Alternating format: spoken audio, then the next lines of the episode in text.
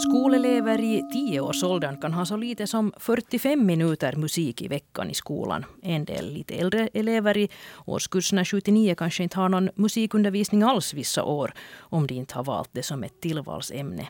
En del gymnasieelever å sin sida väljer kanske bort konstämnen för att kunna koncentrera sig på den långa matematiken eller andra så kallade tunga ämnen som ger höga poäng då man ska ansöka om en studieplats efter gymnasiet.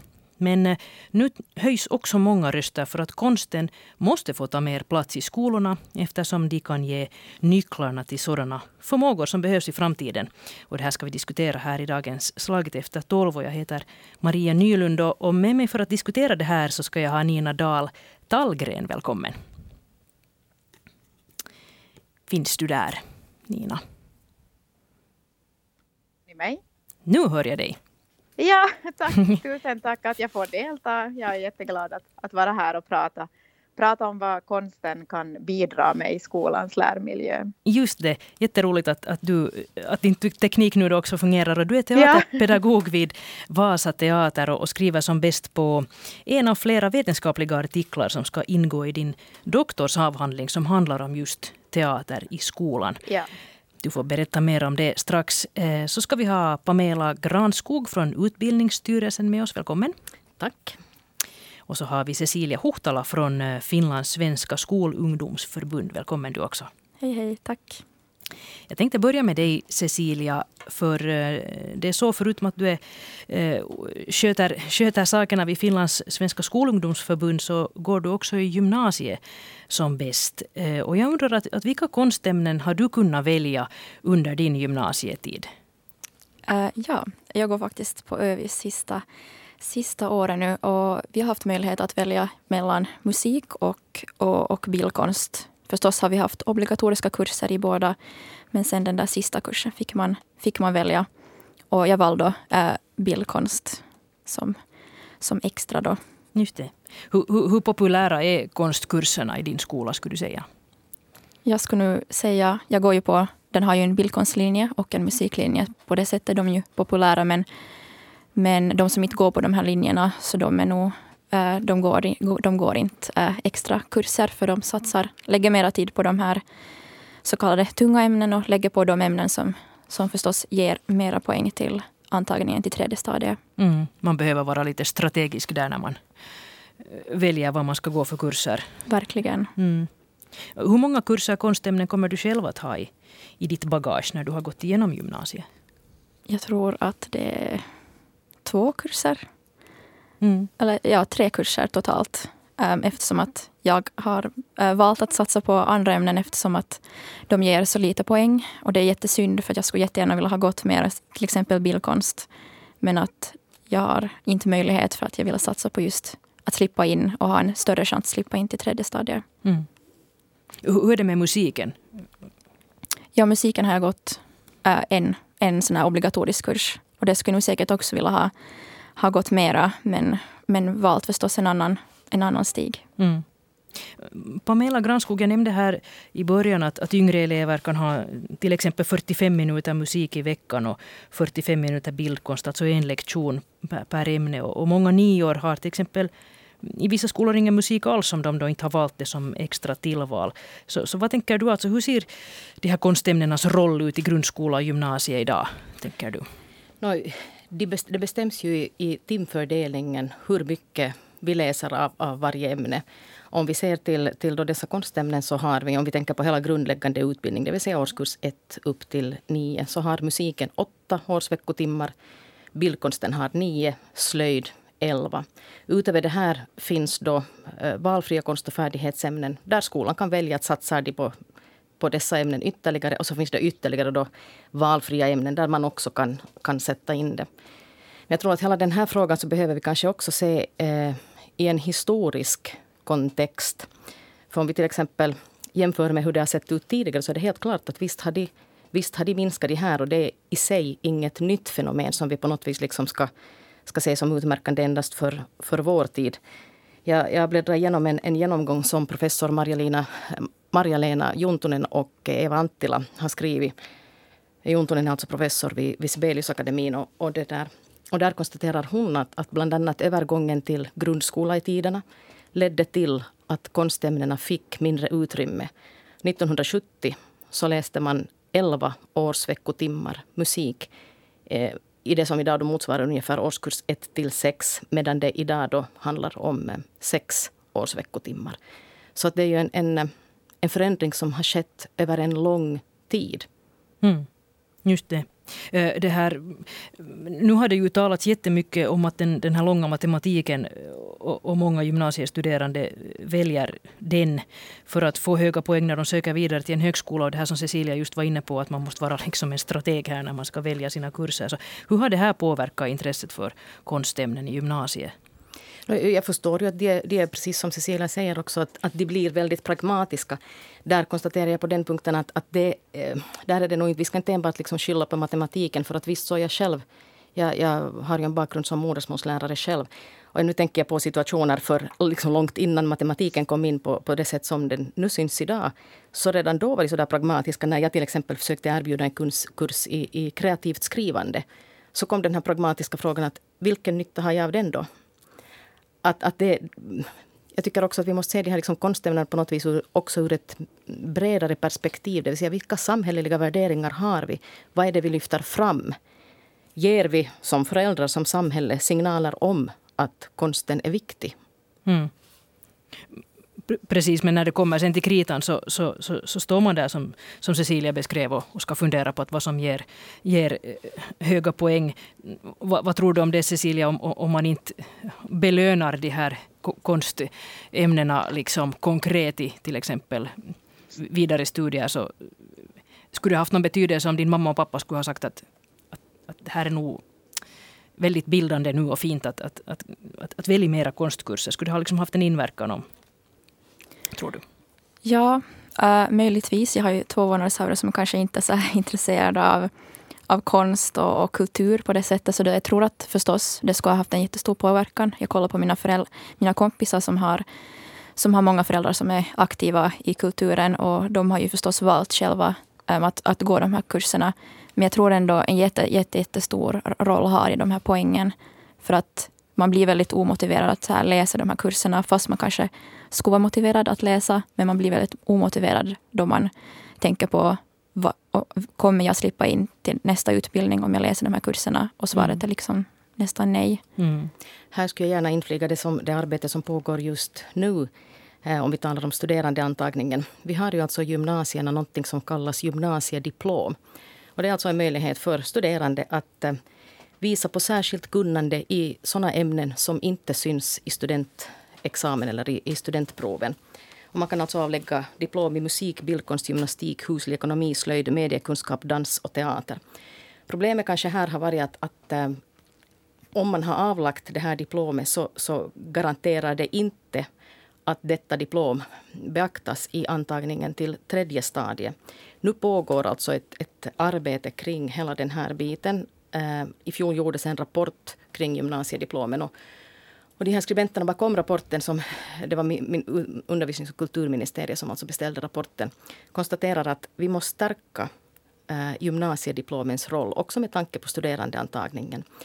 Så att, att på Utbildningsstyrelsen fick vi uppgift att utgående då från rapporten eh, bygga vidare på ett förslag som nu ska lämnas tillbaka till, till ministeriet och eh, där är ett förslag bland annat att musik, bildkonst och gymnastik att det ska vara obligatoriskt för alla gymnasier att erbjuda studerande att avlägga diplom i dessa ämnen.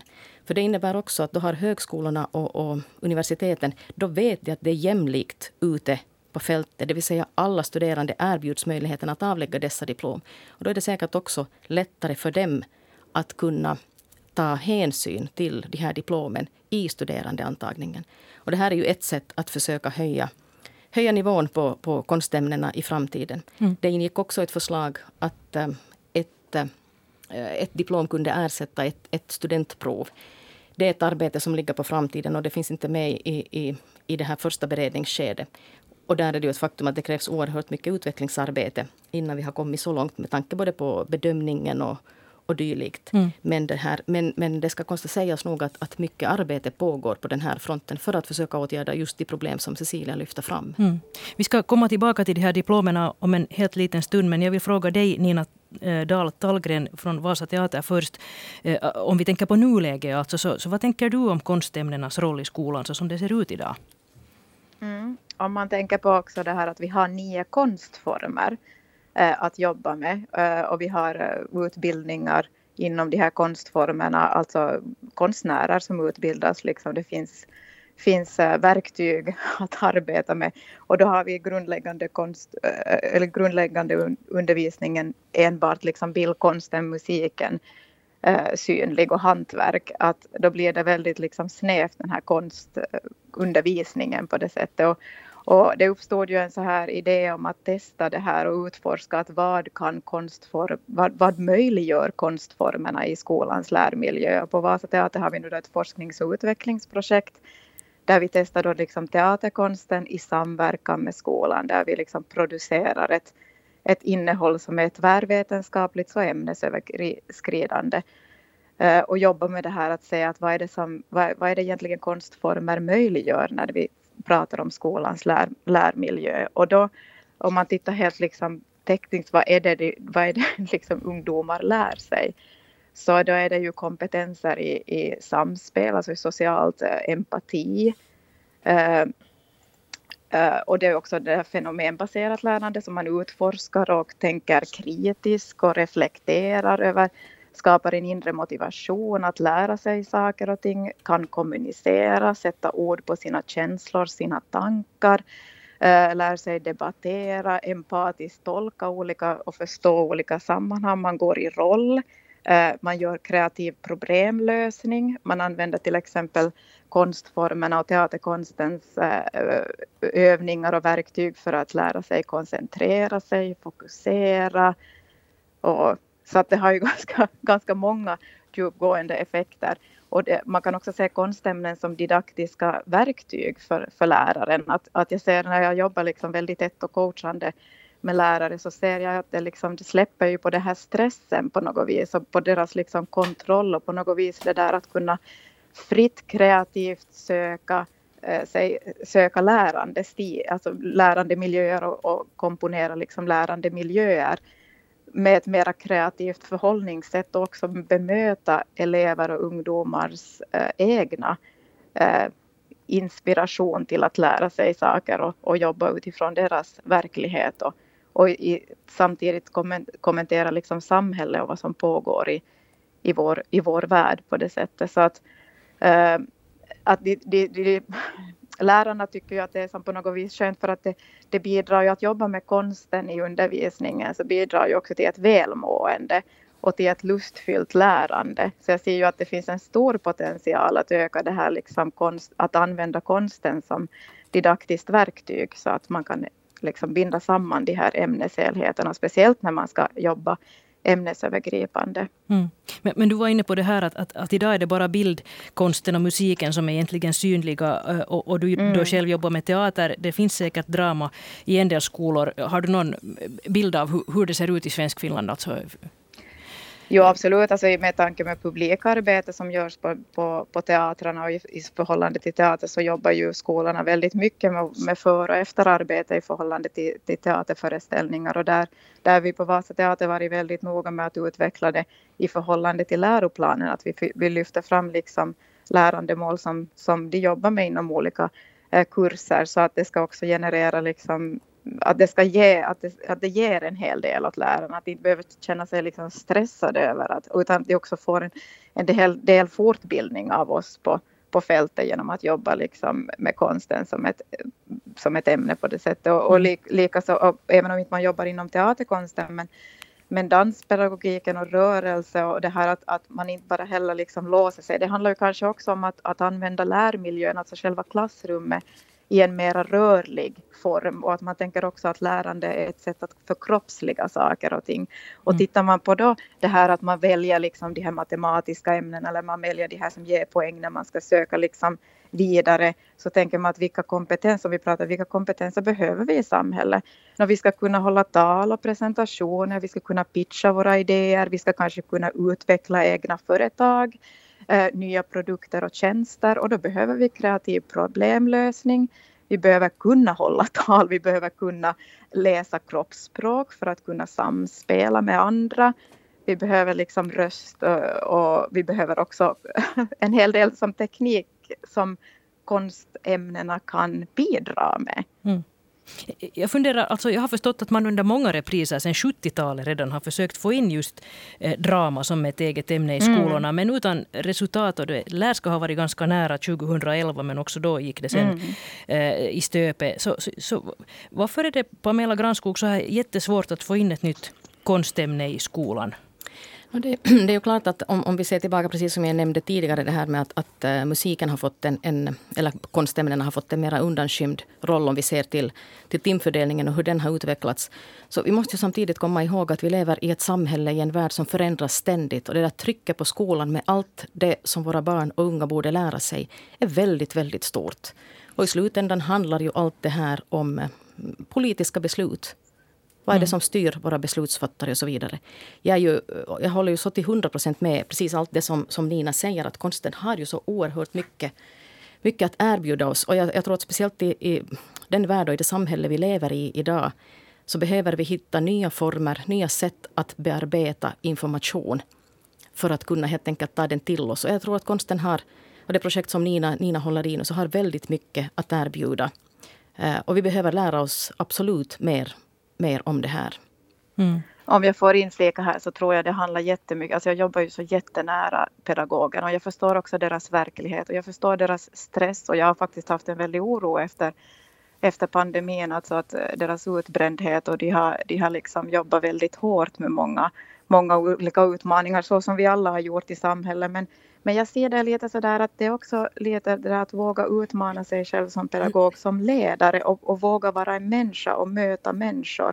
Och det här med vad, jag tror att konsten och teaterkonsten och drama och alla liksom konstformer har så mycket att bidra så det gör det så mycket lättare och det gör det också när jag jobbar liksom och coachar en när jag jobbade till exempel med matematiklärare här för, för, för någon vecka sedan och, och hjälpte den Eh, just med det här med hur teaterkonsten kan bidra i undervisningen att jobba med, med koncentrationsövningar och för att också få liksom mera inre motivation för, för de här studerande att hitta var ska jag applicera liksom de här matematiska verktygen och tabellerna och liksom uträkningarna.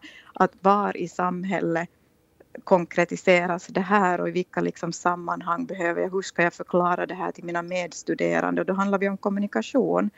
Och då är det liksom egentligen skådespelarteknik. Att då är det jättemycket också hur, hur man säger det och retoriskt liksom kunnande. Så det finns jättemycket mycket som det bidrar med. Och när man får jobba så här tätt med en, med en lärare och coachande stil så ser man ju att, att, eh, att det ger jättemycket till dem som pedagog och utvecklar också det här att klassrummet blir mer rörligt och att, och att det här det skapar en helt annan stämning och trygghet i atmosfären Hur låter i skolan. Det? Hur låter det här Cecilia Huhtala i dina öron? Alltså eh, matematik och fysik så här i, genom drama.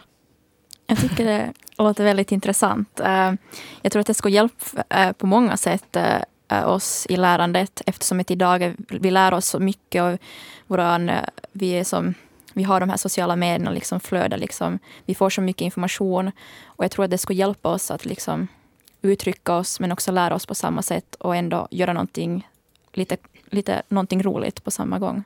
Här, här vill jag lyfta fram att det är precis det här som, som den nya läroplanen i, i gymnasiet tar fasta på. Cecilia har inte gått enligt den, utan du har gått enligt den, enligt den gamla.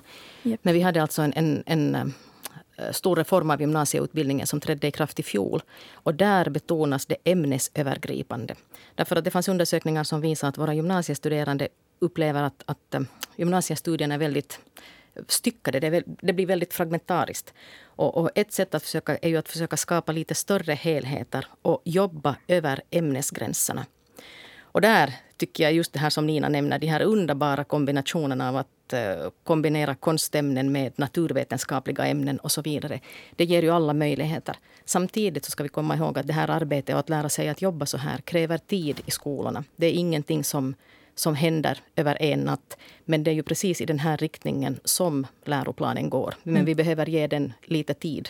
No, jag kan tänka mig och det att, kanske också ja, eh, att det här att man har en nyfikenhet till att liksom pröva på. Att istället för att, att, att man jobbar med sin egen rädsla också som pedagog att på något vis att eftersom konstämnena är lite obekanta och inte används i den utsträckning som man skulle kunna använda det, att man ser det till att att vad ger det här för mig för möjligheter? För att konsten erbjuder möjligheten. Konsten är inte någonting som är tungt eller jobbigt eller på något vis eh, utan det tillför någonting positivt och då gäller det också som, som pedagog att fundera och reflektera och ta stöd av till exempel teaterpedagoger eller konstnärer på fältet som, som vill jättegärna hjälpa till och, och bidra med det här och, och se att, att konsten kan, kan få blomma ut i sin fulla potential.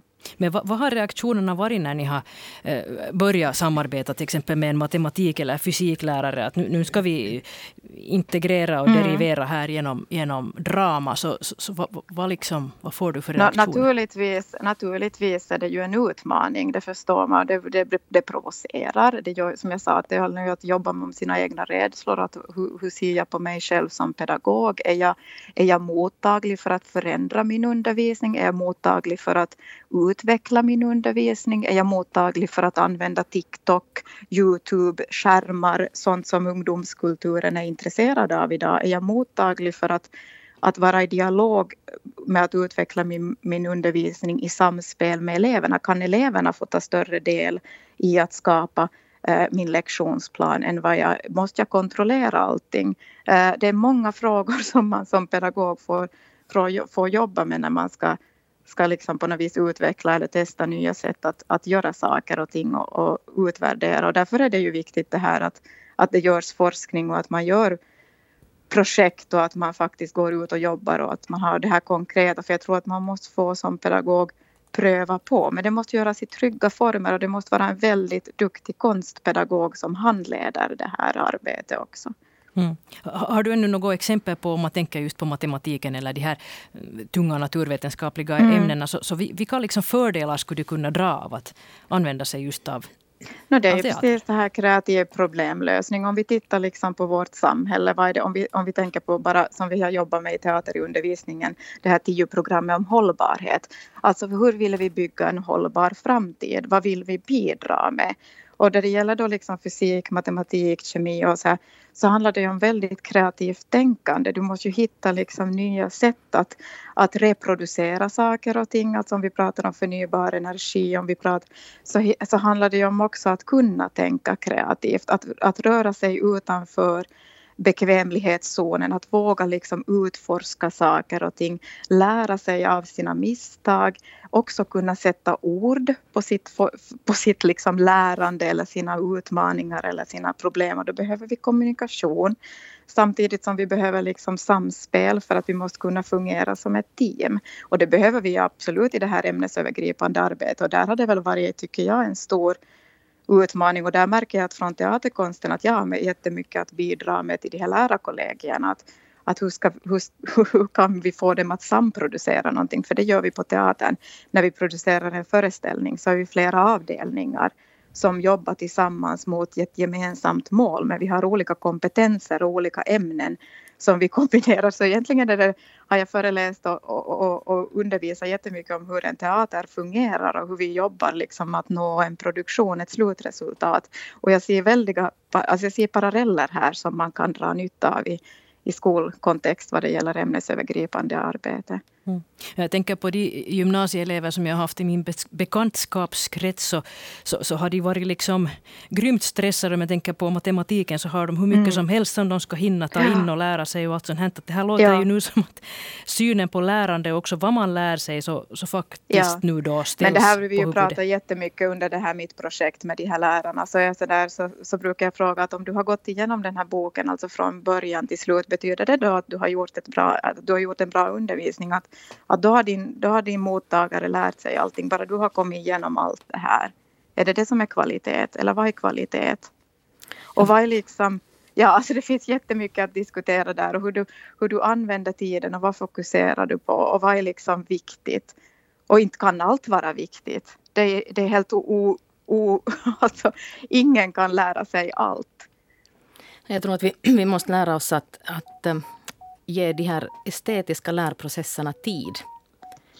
Det vill säga att, att det, vi måste ibland våga kasta loss från, från det, så, det sätt som vi har jobbat, alltid har jobbat på och tänka oss att det finns andra sätt att nå fram till, till samma mål och att man lär sig väldigt mycket annat där på köpet också.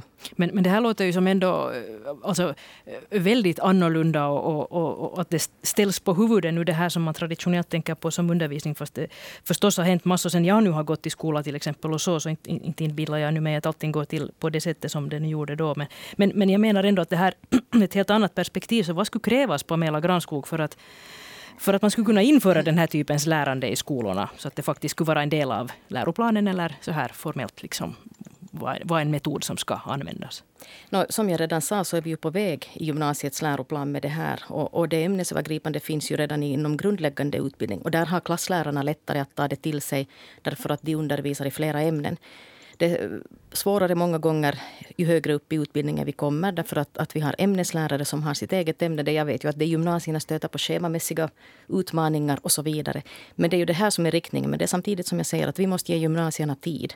De har just tagit i bruk en ny läroplan och vi har haft stora omvälvningar i samhället som har som har kostat dem, det har kostat på dem och, och tagit av deras tid väldigt, väldigt mycket.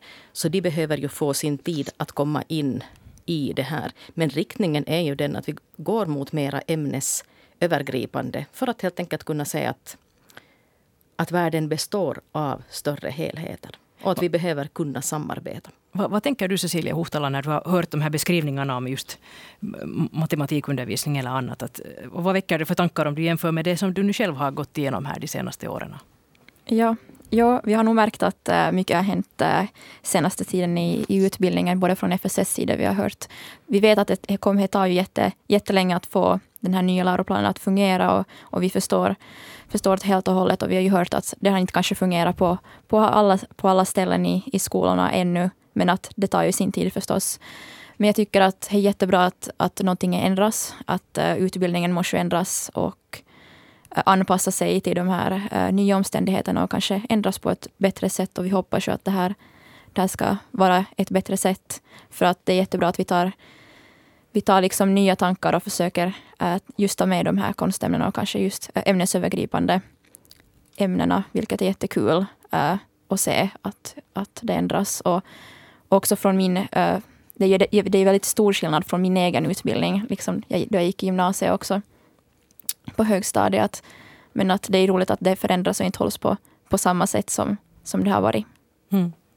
Jag tänkte återkomma till det här med, med det här ehm, um, diplomet nu som är, som är aktuellt eh, nu faktiskt i, i november då som man ska, mm, ni vid Utbildningsstyrelsen ska, ska komma med det här konkreta förslaget hur det här konstdiplomet nu då ska riktigt hanteras i gymnasierna. Så, jag minns att mitt eget gymnasium var en pilotskola för att testa det här med konstdiplom när jag själv gjorde ett fotoarbete och, och det här skulle då ge mig fördelar ifall jag skulle söka en studieplats vid, vid, vid Konstindustriella högskolan som det hette då. Och det här var slutet på 90-talet och nu är det då 20, 22, alltså 25 år senare. Så, så nu har man kommit till det här att man vill göra det här diplomet obligatoriskt i gymnasierna eller att man ska liksom erbjuda den här möjligheten. Så, så inte, inte går det ju väldigt fort sådana här förändringar Pamela Granskog. Alltså, det, det, går inte riktigt raskt att införa sådana här nej. Det, nej, det går inte kanske riktigt raskt alla gånger. Men det, det är nu som man har sett, sett det här behovet. Därför att då fanns det säkert, jag var inte med, jag jobbade inte på Utbildningsstyrelsen på den tiden, jag var betydligt yngre då. Men det där... Eh,